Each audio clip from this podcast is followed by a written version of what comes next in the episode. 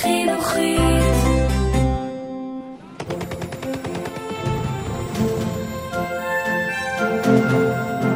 Es lebe Deutschland!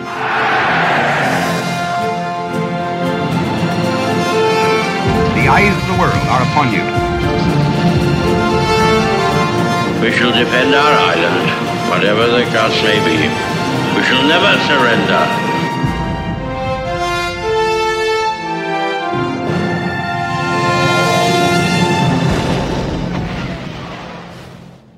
ברוכים הבאים לפודקאסט מלחמת העולם השנייה של החינוכית. אני יובל מלכי. פרק 16 מבצע לפיד בתחילת חודש נובמבר 1942 ספגו הגרמנים והאיטלקים מפלה מידי הבריטים בקרבות אל עלמיין. כוח השריון של רומל נסוג לטוניסיה לאחר שאיבד יותר מ-700 טנקים ותותחים. רומל והיטלר ידעו כי בקרוב יגיעו גם חיילים אמריקנים לזירה והם יותקפו בשתי חזיתות בו זמנית. היטלר הורה לשלוח לעזרתו של רומל דיוויזיות שריון חדשות ואיכותיות, בעלות טנקים מדגם טייגר, שעלו בכוח האש ובמיגון שלהם על הטנקים האמריקניים והבריטים. בעוד כוחות בעלות הברית היו בטוחים שהם יכניעו את הגרמנים תוך מספר שבועות, כ-20 אלף לוחמים וטנקים גרמנים רבים הגיעו לטוניסיה דרך האוויר והים. לבעלות הברית נכונה הפתעה מרה.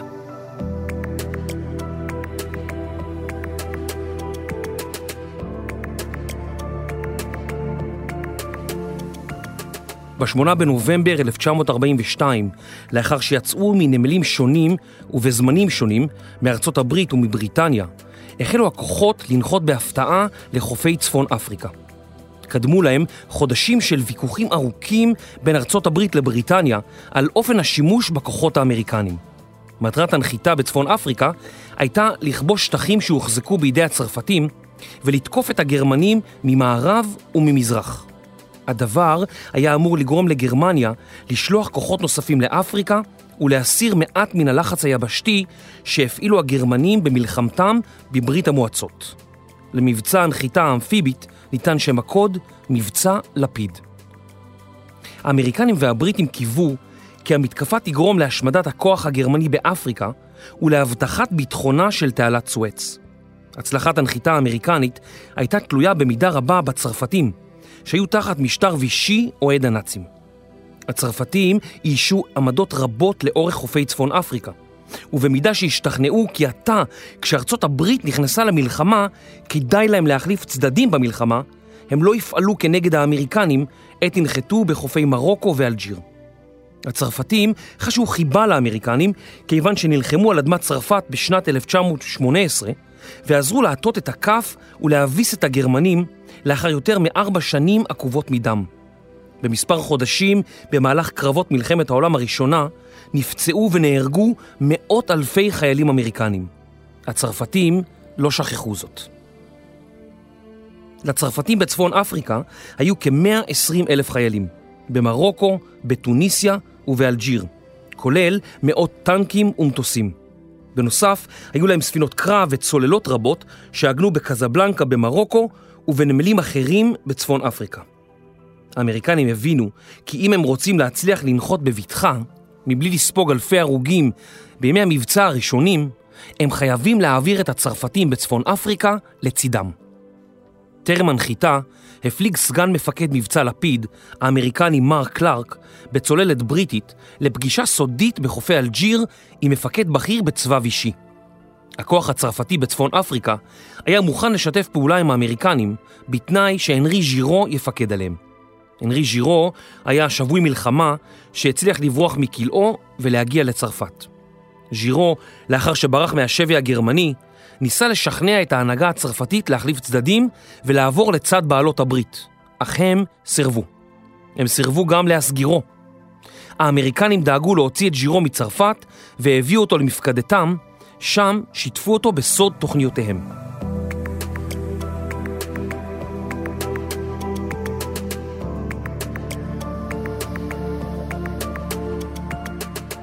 הכוח האמריקני חולק לשלושה ראשי חץ, הכוח הראשון, תחת הגנרל ג'ורג' פאטון, מנה כ-35 אלף חיילים שהפליגו על גבי כ-100 ספינות מארצות הברית ונחתו על חופי מרוקו, המדינה המערבית ביותר בצפון אפריקה. שני הכוחות האחרים, כוח מרכז וכוח מזרח, הפליגו מסקוטלנד, לאחר שהחיילים עברו אימונים באיים הבריטים. הכוחות מנו כ-20 אלף איש כל אחד, ומשימתם הייתה לנחות לחופי אלג'יריה. הצרפתים נטרו טינה רבה לבריטים בעקבות הפצצת השייטת הצרפתית במרס אל כביר, היכן שנהרגו אלפי מלאכים צרפתיים. כדי לא לפגוע במשימה, החיילים הבריטים לבשו גם הם מדים אמריקנים והסבו עצמם כאמריקנים לכל דבר. כשיצא מבצע לפיד לדרך, יצאה בו זמנית שיירה של ספינות אספקה מאפריקה שנודעה בשם שיירה SL-125. היא מנתה כ-40 ספינות אספקה ומלחמה. הגרמנים קלטו את השדרים של השיירה וקיבצו צוללות רבות כדי להטביע ספינות רבות ככל האפשר. הם הצליחו להטביע כעשר ספינות ועשרות אלפי טון של אספקה ירדו למצולות. רבים העריכו מאוחר יותר כי השיירה משכה אליה צוללות בכוונה תחילה, כדי שלא יזהו את הספינות הרבות ועליהן עשרות אלפי החיילים על סיפונן שהיו בדרכן למדבריות צפון אפריקה. על מבצע לפיד פיקד הגנרל האמריקני דווייט אייזנהאואר, ללא ניסיון מבצעי בעברו.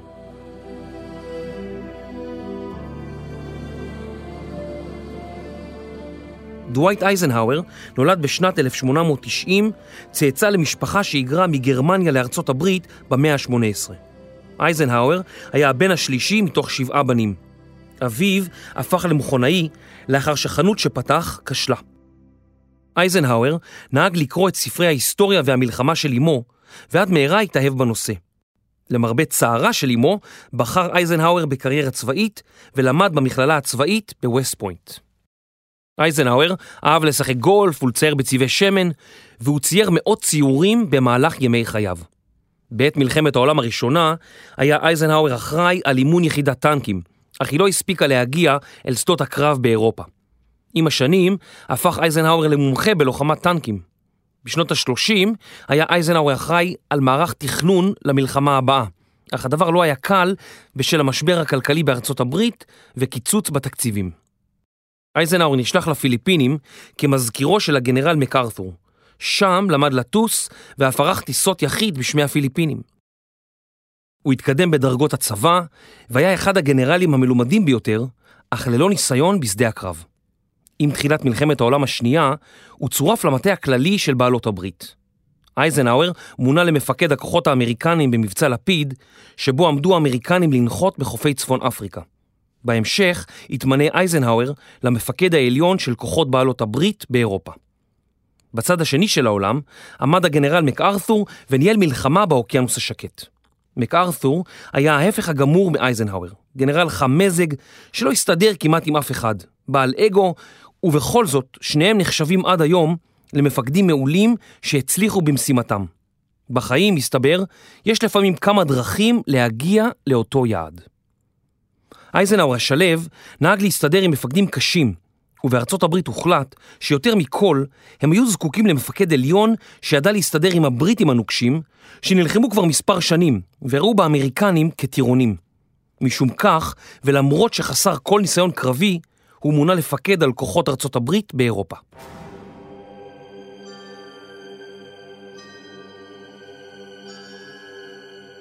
רוזוולט הסכים עם צ'רצ'יל כי האמריקנים והבריטים חייבים לפעול במהירות כנגד כוחות הציר, ובעיקר כנגד גרמניה, כדי להקל את הלחץ הצבאי על ברית המועצות וכוחות חבר העמים הבריטי במצרים.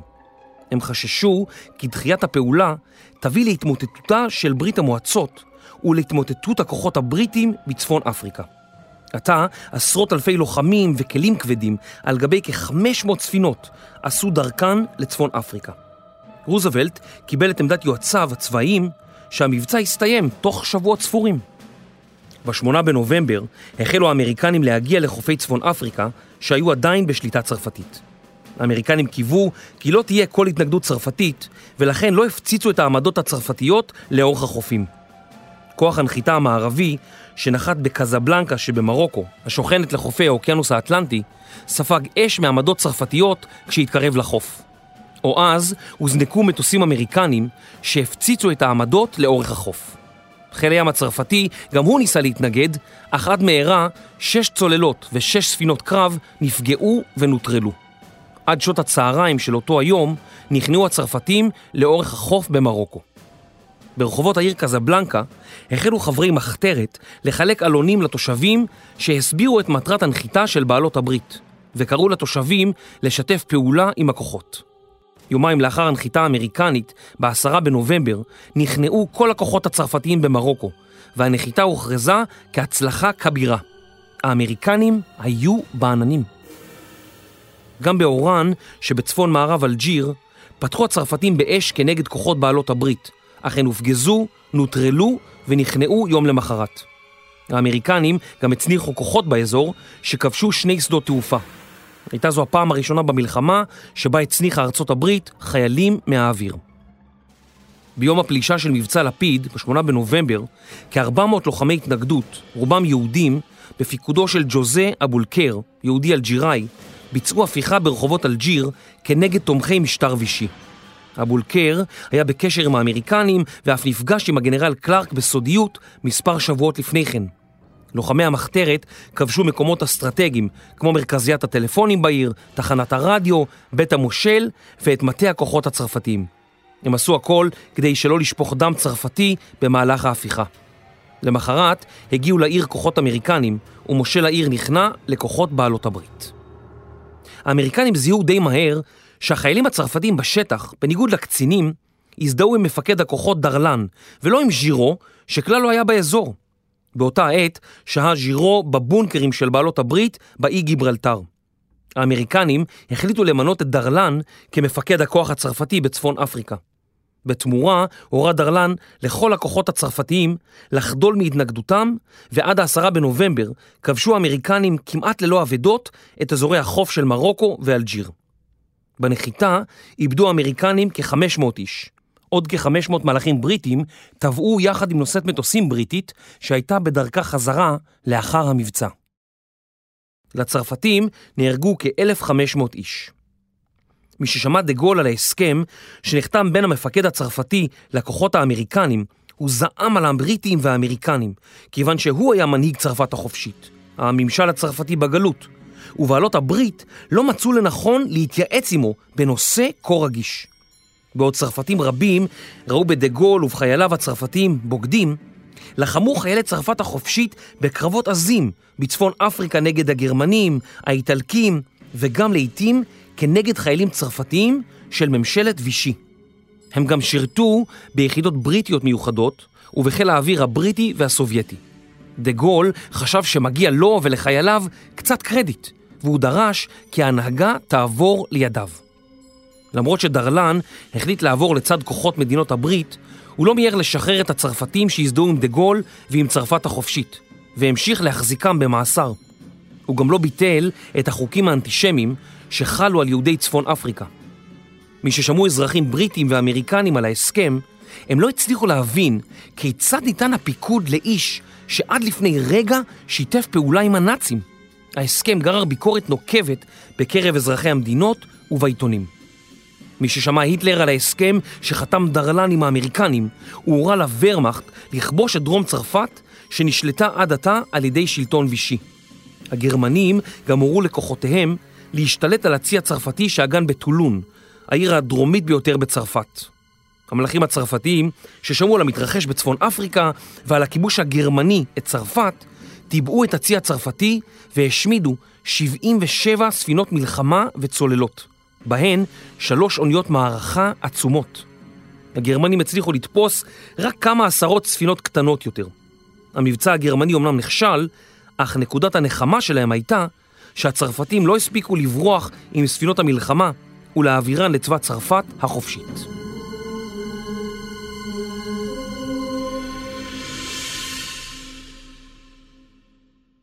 ממשל וישי שמר על קשרים דיפלומטיים ממדינות רבות, למשל ארצות הברית, שאף שלחה שגריר.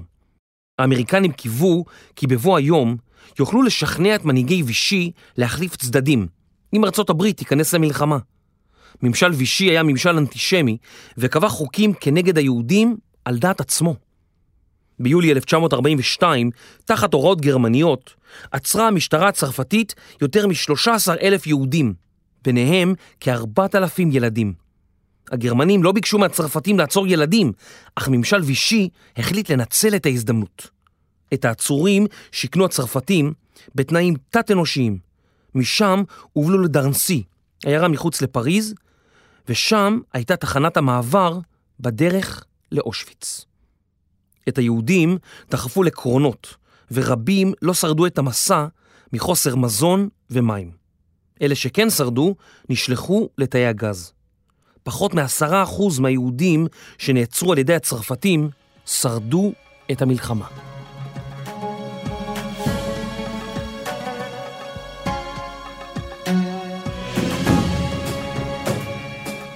בחודש דצמבר נרצח דרלן על ידי מתנקש שזהותו לא הייתה ידועה, אך הוא מומן על ידי צבא צרפת החופשית. הצרפתים והבריטים נשבעו לאמריקנים כי לא הייתה להם יד בדבר, אך מאוחר יותר התגלה הדבר כשקר גס. המתנקש נעצר ובזריזות הוצא להורג. היה זה חשוד מאוד, אבל התאים לכל הצדדים. ז'ירו, שקיבל עתה את הפיקוד, הורה לעצור את לוחמי המחתרת בפיקודו של אבולקר, בחשד כי יש להם יד ברציחתו של דרלן. אייזנהאואר רתח מזעם בפעם השנייה תוך מספר ימים. הוא לא הבין את הצרפתים. הלוחמים של אבולקר לחמו לצד בעלות הברית, עזרו לאמריקנים לנחות בשלום, ולמרות זאת נשלחו למחנות עבודה, שם שהו במשך כחצי שנה. כוחות צרפתיים, שתחילה שיתפו פעולה עם הגרמנים בשנתיים הראשונות של המלחמה, החלו עתה להילחם לצד האמריקנים והבריטים בצפון אפריקה. והלכה למעשה, בסוף שנת 1942, החליפו צדדים. ז'ירו ודה גול החלו לשתף פעולה, אבל לא מצאו לנכון לבטל את החוקים האנטישמיים שקבעה ממשלת וישי בצפון אפריקה. הם סירבו להחזיר ליהודי המדינה, כמאה אלף במספר, את אזרחותם הצרפתית, וטענו כי הם בסך הכל רוצים לשמור על שוויון בין יהודים למוסלמים. ז'ירו ראה ביהודים אחראים לנזק הרב שנגרם לצרפת במלחמה. גם היהודים שהיו עתה תחת שלטון נאצי סבלו מאוד. אלפים מיהודי טוניס, עיר הבירה של טוניסיה, נשלחו למחנות עבודה, ומשם נשלחו מאות מהם למחנות הריכוז וההשמדה באירופה. יהודים בתוניס אולצו ללבוש מגן דוד צהוב על בגדיהם, ורכושם הוחרם על ידי הגרמנים. מאה אלף יהודי טוניס ניצלו מהשמדה רק משום שהיו רחוקים מאירופה, ולגרמנים לא הייתה דרך להעבירם. התוכניות הגרמניות להשמדת העם היהודי כללו גם את יהודי צפון אפריקה, שניצלו בעור שיניהם. לאחר הנחיתה המוצלחת, החלו האמריקנים לנוע קדימה ומהר, אך הם לא הספיקו לבנות שדות תעופה נוחים כפי שהיו לגרמנים. משהחלו גשמי החורף להכות במלוא עוצמתם, הפכו בסיסי התעופה הזמניים של בעלות הברית לשדות בוץ, והגרמנים שלטו בשמיים ללא עוררין.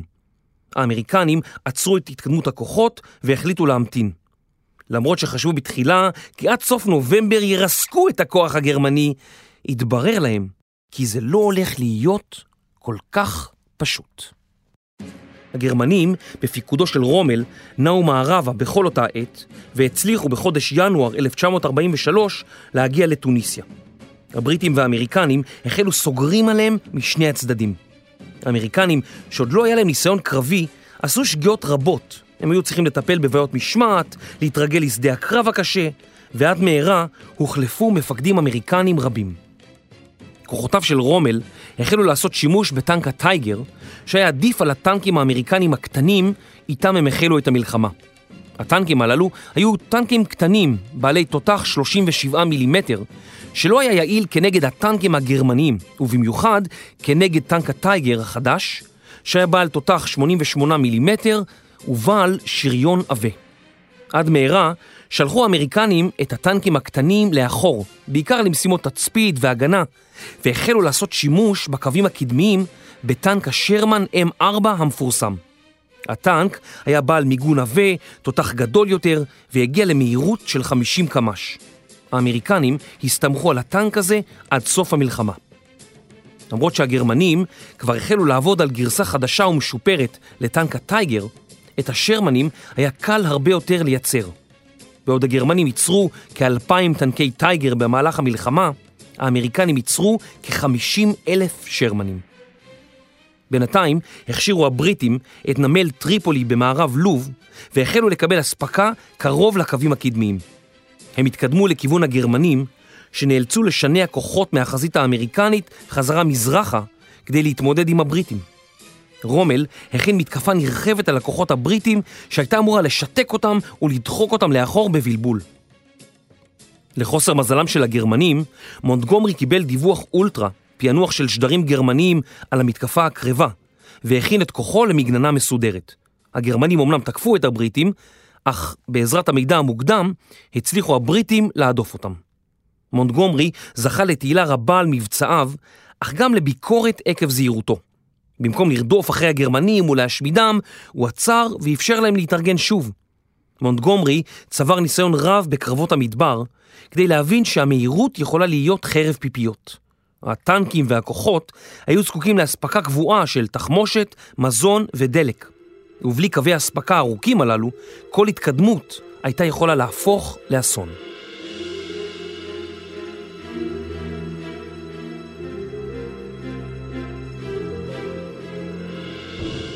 באמצע חודש ינואר הגיע הנשיא האמריקני לצפון אפריקה לפסגת קזבלנקה. הייתה זו הפעם הראשונה שבה נשיא אמריקני מכהן הגיע ליבשת. הוא עמד להיפגש עם ווינסטון צ'רצ'יל ויועציו. שני האישים לא היו שונים בהרבה זה מזה. פרנקלין דליינו רוזוולט נולד בשנת 1882 במדינת ניו יורק וגדל כבן יחיד להורים ממשפחות אריסטוקרטיות. הוא למד באוניברסיטאות הרווארד וקולומביה, סיים תואר במשפטים ונשא לאישה את קרובת משפחתו אלינור, שהייתה צעירה דעתנית ופעלתנית. לזוג נולדו שישה ילדים. רוזוולט החל את דרכו הפוליטית כאשר בגיל 28 נבחר לסנאט בניו יורק והמשיך להתקדם במפלגה הדמוקרטית. בשנת 1913 מונה לתת מזכיר הצי ופעל רבות כדי להבטיח את עתיד הצי. בשנת 1920 התמודד על משרת סגן הנשיא, הפסיד בבחירות ופנה לעסוק במשפטים בתחום האזרחי. שנה מאוחר יותר חש רוזוולט כי אינו מצליח להזיז את רגליו. רופאים קבעו כי לקה בשיתוק ילדים ולא יהיה מסוגל לעמוד על רגליו. רוזוולט לא ויתר והמשיך לנסות ולשקם את רגליו עד אשר הוצמדו לו ברזלים מיוחדים שאפשרו לו לצעוד מספר צעדים.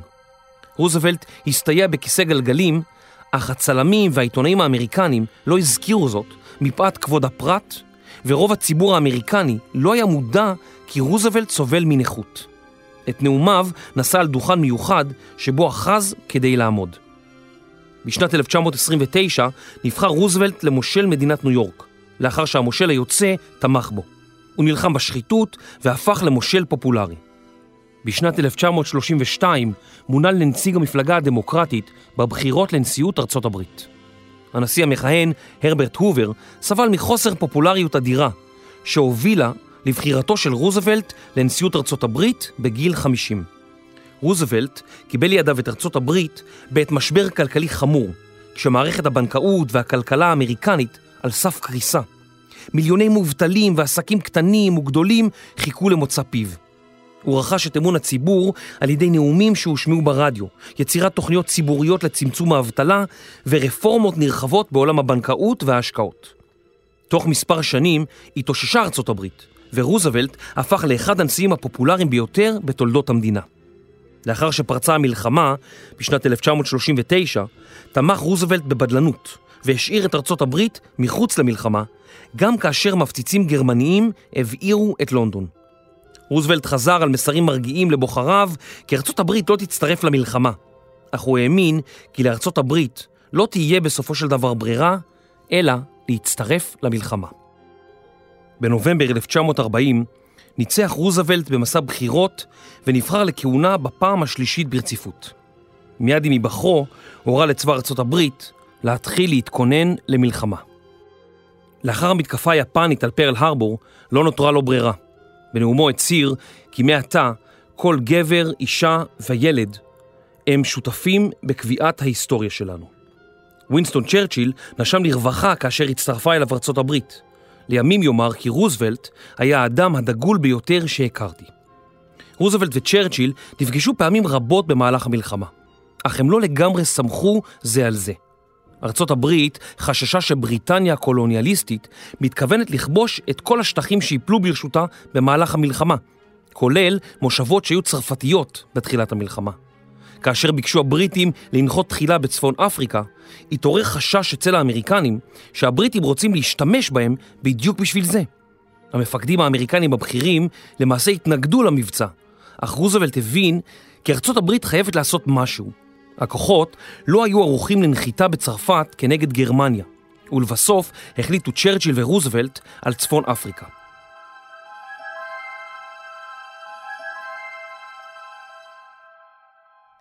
ווינסטון צ'רצ'יל היה מנהיג בעל אישיות יוצאת דופן. הוא היה בן אצולה, מדינאי, פוליטיקאי, איש צבא, עיתונאי, היסטוריון, צייר, ואדם שיותר מכל אהב את החיים הטובים. צ'רצ'יל נולד בשנת 1874, בן של לורד חבר פרלמנט ושר אוצר. על אף חשיבותו הפוליטית, במהלך השנים כתב צ'רצ'יל כי הוזנח רגשית על ידי אביו. אמו של צ'רצ'יל הייתה אמריקנית, אשת חברה תוססת, בעלת מאהבים מפורסמים ורבי עוצמה. כשהיה ווינסטון צ'רצ'יל בן שמונה, הוא נשלח לפנימיה יוקרתית ונוקשה, שבה הלקו ילדים סוררים כחלק מתוכנית הלימודים. לימים יאמר כי הייתה זו אחת התקופות האיומות של חייו. לאחר ימי הפנימייה החל צ'רצ'יל ללמוד במכללה הצבאית המלכותית, התגייס לצבא הבריטי והוצב בבנגלור שבהודו, אך תפקידו לא התגלה כמאתגר, וצ'רצ'יל בילה את זמנו בלימוד עצמי. בשנת 1895 השיג אישור לנסוע לקובה על מנת לצפות בדרך שבה נלחמים הספרדים במורדים הקובנים. צ'רצ'יל הצליח גם להשיג הסכם עם העיתון דיילי גרפיק, שלפיו יכתוב לעיתון כתבות על מה שיראה במסעו. שנתיים לאחר מכן חזר צ'רצ'יל להודו, צפה במרד ההודי שפרץ במדינה כנגד הבריטים, והוציא לאור את ספרו הראשון שעסק בדיכוי המרד בהודו. צ'רצ'יל האוטודידקט אמר פעם כי אני אוהב ללמוד, אם כי לא תמיד אני אוהב שמלמדים אותי. במהלך חייו הוא כתב עשרות ספרי היסטוריה, ובהם ארבעת הכרכים של ההיסטוריה של העמים דוברי האנגלית, שזיכו אותו בפרס נובל לספרות. באוקטובר 1899 פרצה מלחמת הבורים השנייה בין בריטניה והבורים שבדרום אפריקה. העיתון, המורנינג פוסט, שכר את שירותיו של צ'רצ'יל ככתב צבאי. כאשר הגיע לדרום אפריקה, נסע ברכבת צבאית אשר עלתה על מערב בורי, והוא נשבע והוחזק במחנה שבויים. הוא הצליח להימלט מהמחנה וצעד כ-480 קילומטרים למושבה הפורטוגזית מוזמביק. במהלך בריחתו הכריזו הבורים על פרס להסגרתו. במודעה המכריזה על הפרס תואר כאנגלי שמבנה גופו רגיל, מתכופף בשעת הליכה, פניו חיוורים, שערו אדמוני חום, שפמו קטן וכמעט שאינו נראה לעין, מענפף קצת ואינו מבטא כראוי את האות S. בריחתו הנועזת הפכה אותו לגיבור לאומי בבריטניה. צ'רצ'יל הועלה בדרגה ושירת בגדוד הפרשים הקלים הבריטי שבדרום אפריקה. בשנת 1900 התמודד צ'רצ'יל בן ה-26 על מושב בפרלמנט הבריטי מטעם המפלגה השמרנית, ונבחר לראשונה לפרלמנט. מספר שנים לאחר מכן התאכזב מאנשי מפלגתו, ובצעד דרמטי עבר לשורות המפלגה הליברלית. במהלך הקריירה הפוליטית שלו הוא מילא מספר תפקידים בכירים, בהם סגן שר החוץ, שר הפנים ושר הימייה, הממונה על צי המלחמה הבריטי, משרה שבה החזיק משפרצה מלחמת העולם הראשונה. בשנת 1915 היה צ'רצ'יל בין יוזמיה והוגיה של המתקפה הכושלת בגליפולי, שבה ספגו הבריטים, ובעיקר האוסטרלים והניו זילנדים, אבדות רבות וכואבות. צ'רצ'יל טען כי התוכנית שהגה הייתה מצוינת, והכישלון היה של הדרג המבצע. הוא פרש מהממשלה, התגייס חזרה לצבא בגיל 41, ונשלח לשרת כמפקד גדוד בחזית המערבית במשך מספר חודשים. ביולי 1917 שב צ'רצ'יל אל שולחן הקבינט כשר החימוש, ומשנת 1919, לאחר שהסתיימה המלחמה, שימש כשר המלחמה. בתפקידו ראה סכנה גדולה באיום הבולשביקי, וטען כי יש לחנוק את הבולשביזם בהריסתו. צ'רצ'יל המשיך לשרת בממשלה כשר המושבות ושר האוצר, ואף חזר לחיקה של המפלגה השמרנית. בבחירות בשנת 1929 ספגה הממשלה השמרנית תבוסה. במשך השנתיים הבאות הלך צ'רצ'יל והתרחק מהנהגת מפלגתו והחל לעסוק בכתיבה ובציור הרחק מאור הזרקורים במה שכונה שנות המדבר של צ'רצ'יל. מדי פעם יצא צ'רצ'יל בחריפות כנגד מדיניות הפייסנות הבריטית כלפי גרמניה הנאצית. מדיניות שהיו שותפים לה חברי מפלגתו השמרנית שבשלטון, האופוזיציה, דעת הקהל, העיתונות ברובה וגם האקדמיה. במהלך שנות ה-30, עם התחזקותה של המפלגה הנאצית, החלה להתרכז סביב צ'רצ'יל חבורה של מתנגדים לפייסנות. חלקם פקידי ממשלה שהיו מגיעים לאחוזתו ובידיהם מידע סודי אודות כמות הנשק שצברה גרמניה. הממשלה הבריטית בחרה להסתיר את המידע מהציבור, וצ'רצ'יל בחר להציג את המידע שאסף בנאומיו.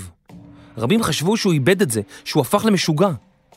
לאחר שצ'מברלין חזר מגרמניה ובידו חוזה שלום, היו הבריטים באקסטזה שמלחמה גדולה נמנעה. צ'רצ'יל המשיך לטעון כי בריטניה יכולה הייתה לבחור בין חרפה למלחמה. היא בחרה בחרפה ותזכה במלחמה. יריביו הפוליטיים היו בטוחים כי ימי הזוהר שלו היו מאחוריו. לאחר פלישתו של היטלר לפולין, היה ברור לכל כי צ'רצ'יל היה זה שהזהיר מזה שנים את העם הבריטי ואת העולם מן הצרה המתרחשת עליהם, והוא זה שצדק, ואילו תומכי הפייסנות טעו. הוא חזר לממשלה ומונה לשר הימייה. לאחר שפלשו הגרמנים לארצות השפלה ולצרפת, מונה צ'רצ'יל לראש ממשלת בריטניה. בשנתיים הראשונות של המלחמה עמדה בריטניה וצ'רצ'יל בראשה לבדה מול מכונת המלחמה הנאצית. בשעותיה הקשות ביותר של האומה הבריטית נשא צ'רצ'יל נאומים מופלאים שנטעו תקווה בלב הבריטים וגרמו לרבים להמשיך בחייהם, אפילו כשלונדון הופצצה יום אחר יום. רבים זוכרים אותו בשל הנאומים הללו. צ'רצ'יל נסע לזירות המלחמה השונות. הוא שט באוקיינוס האטלנטי כדי לפגוש נשיא ארצות הברית. הוא ביקר חיילים בשדות הקרב של צפון אפריקה והגיע לפגישה עם סטלין במוסקבה. עמידתו האיתנה סימנה לבריטים כי מנהיגם היה אדם שלא ניתן היה להפחידו בנקל. ווינסטון צ'רצ'יל נחשב עד היום לאחת הדמויות החשובות, המסקרנות והרב גוניות של המאה ה-20. מי שנחשב למחרחר מלחמה וגבייה פוליטית בשנות ה-30, הפך למנהיג נערץ שהעז לעמוד אל מול הרודנות הנאצית. למרות שצ'רצ'יל גילם באישיותו את עוז הרוח הבריטי, בבחירות שנערכו מיד לאחר המלחמה, הופסה מפלגתו, והוא אולץ לפרוש. בשנות ה-50 יהיה צ'רצ'יל ראש הממשלה בשנית. ההיסטוריה תהיה נחמדה אליי, אמר פעם צ'רצ'יל, כי אני מתעתד לכתוב אותה. בבוא הימים יהפוך האיש למדינאי הראשון והיחיד אי פעם שזכה בפרס נובל לספרות.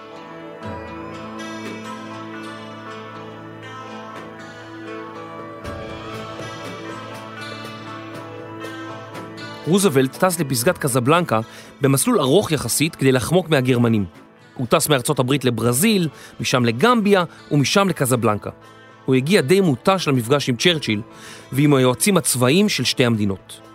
גם שרל דה גול והנרי ז'ירו הוזמנו לקחת חלק בפגישה ולהראות חזית אחידה מול המצלמות, אך הם לא לקחו חלק בדיונים האסטרטגיים. אייזנהאואר, מפקד כוחות בעלות הברית, לא היה במיטבו לאחר שהקרבות מול הגרמנים לא התקדמו מהר מספיק לטעמם של רוזוולט והרמטכ"ל האמריקני ג'ורג' מרשל. לחץ הדם של אייזנהאואר היה בשמיים, הוא חלה בשפעת והמשיך לעשן בכבדות. אייזנהאואר חשש שבקרוב יפוטר. סטלין סירב להגיע לכנס בקזבלנקה בתואנה שהוא נמצא באמצע קרבות סטלינגרד ואין הוא יכול לצאת את ברית המועצות. סטלין חשש מאוד לביטחונו האישי ומיעט לצאת מברית המועצות. פסגת קזבלנקה הפכה למפגש אמריקני-בריטי ושני המנהיגים שוחחו רבות ולאחר לא מעט ויכוחים החליטו על אסטרטגיה משותפת. למרות שהאמריקנים רצו לפלוש לצרפת ולסיים את המלחמה, לא היו להם מספיק כוחות מאומנים לכך, ולאחר הכישלונות בצפון אפריקה, הם נאלצו להסכים עם הבריטים כי תחילה יש לפלוש לאיטליה ולהוציא אותם מהמשחק. הבריטים בתמורה התחייבו להחיש כוחות לאוקיינוס השקט, לבורמה ולעזרתו של צ'נקאי שק הסיני במלחמתו נגד יפן. סטלין לא אהב את החלטת בעלות הברית שלא לפלוש לצרפת. הוא הבין שאין ביכולתו לסמוך על הבטחותיהם, ושהוא ייאלץ להילחם בגרמנים לבדו גם בשנת 1943. למרות זאת, ההכרזה הפומבית כי בעלות הברית יילחמו עד להכנעת גרמניה ויפן, הרגיע אותו ממקצת. הוא הבין שבמוקדם או במאוחר יפלשו המעצמות לאירופה. היה עליו לחרוק שיניים ולהמתין.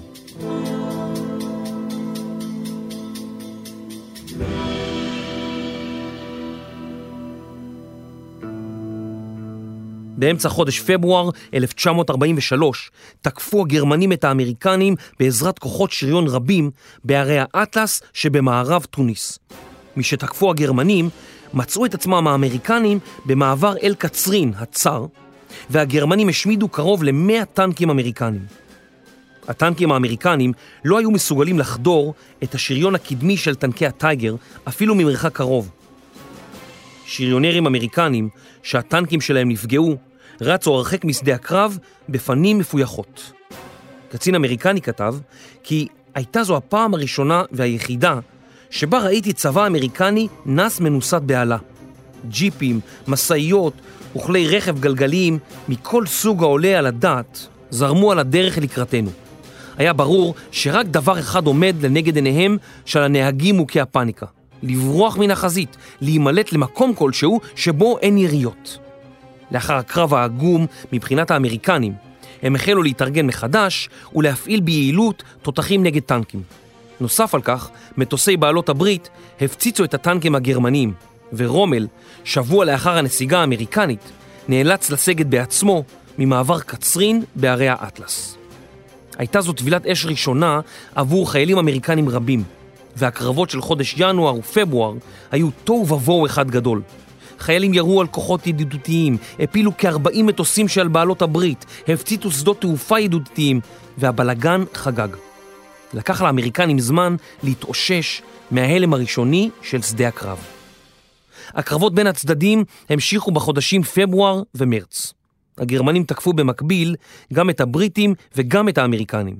אך הם הבינו כי לאור מספרי הכוחות שהמשיכו לזרום לצפון אפריקה, מלווים בטנקים וציוד רב, היה זה רק עניין של זמן עד שכוחות בעלות הברית יכריעו אותם.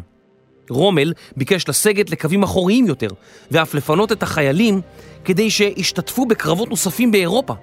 אך היטלר סירב לאשר את שתי הבקשות. לאחר מספר ימים טס רומל חזרה לגרמניה מסיבות בריאותיות, ולא שב יותר לאפריקה.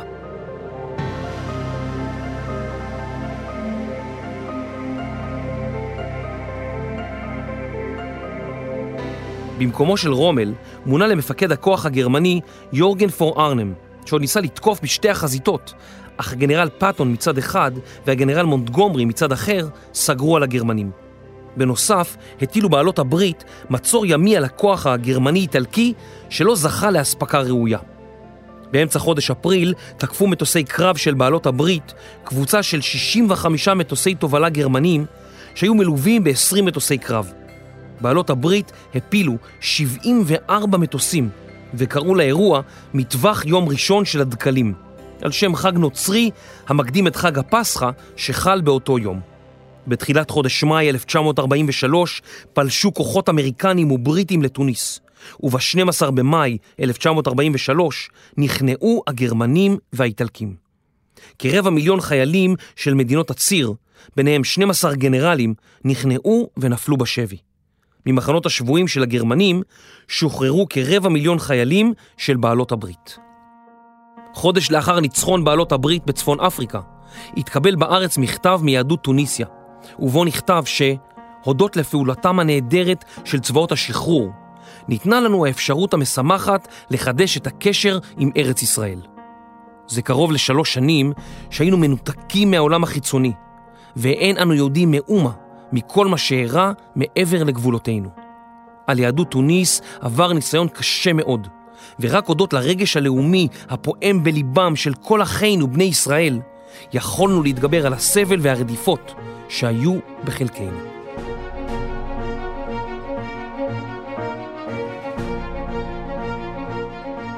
הקרבות בין בעלות הברית לבין מדינות הציר, שהחלו במבצע לפיד, הפכו לקרבות קשים, שבהם למדו האמריקנים שהגרמנים הם לוחמים מעולים, מנוסים ועיקשים.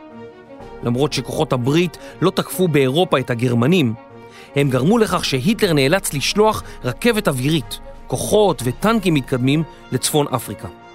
הדבר מנע אספקה לכוחות בדרום רוסיה, עת היו הכוחות הגרמניים שם זקוקים להם יותר מכל.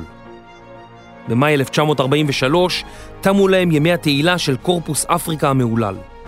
לאחר שנה של לחימה בלתי פוסקת בצפון אפריקה, הפנו הבריטים והאמריקנים מבט צפונה, לאירופה. שם המלחמה עמדה להמשיך, והיא אפילו לא הייתה קרובה לסיום.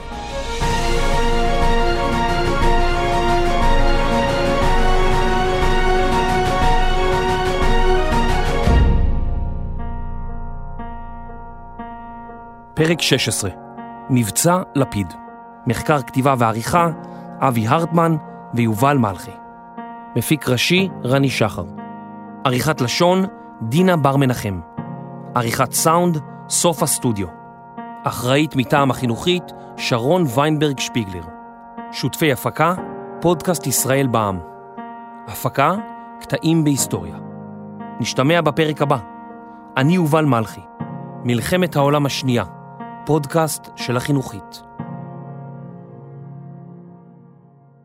Hey.